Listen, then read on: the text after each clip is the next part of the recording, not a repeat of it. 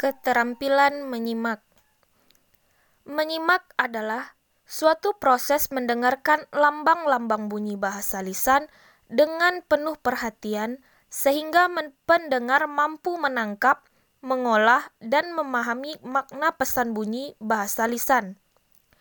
Seperti yang diungkapkan Tarigan, mendengar adalah suatu proses menerima bunyi bahasa tanpa adanya unsur kesengajaan, perhatian, dan pemahaman.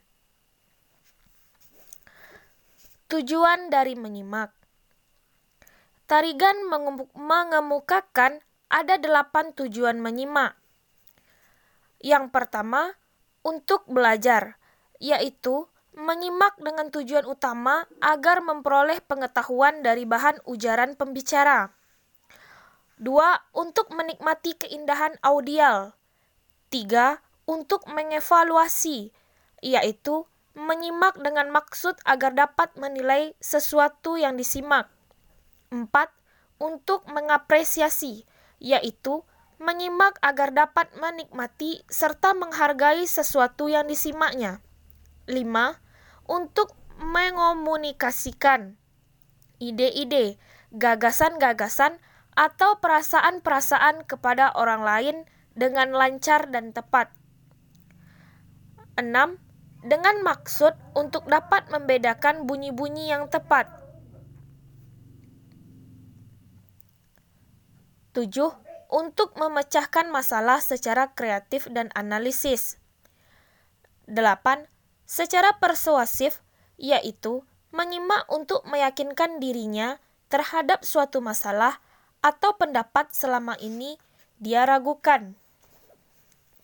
Fungsi dari menyimak Berikut ini beberapa fungsi menyimak dari HG Tarigan. Yang pertama, agar dapat memberikan responsi yang tepat. Dua, memperoleh informasi yang berkaitan dengan profesi.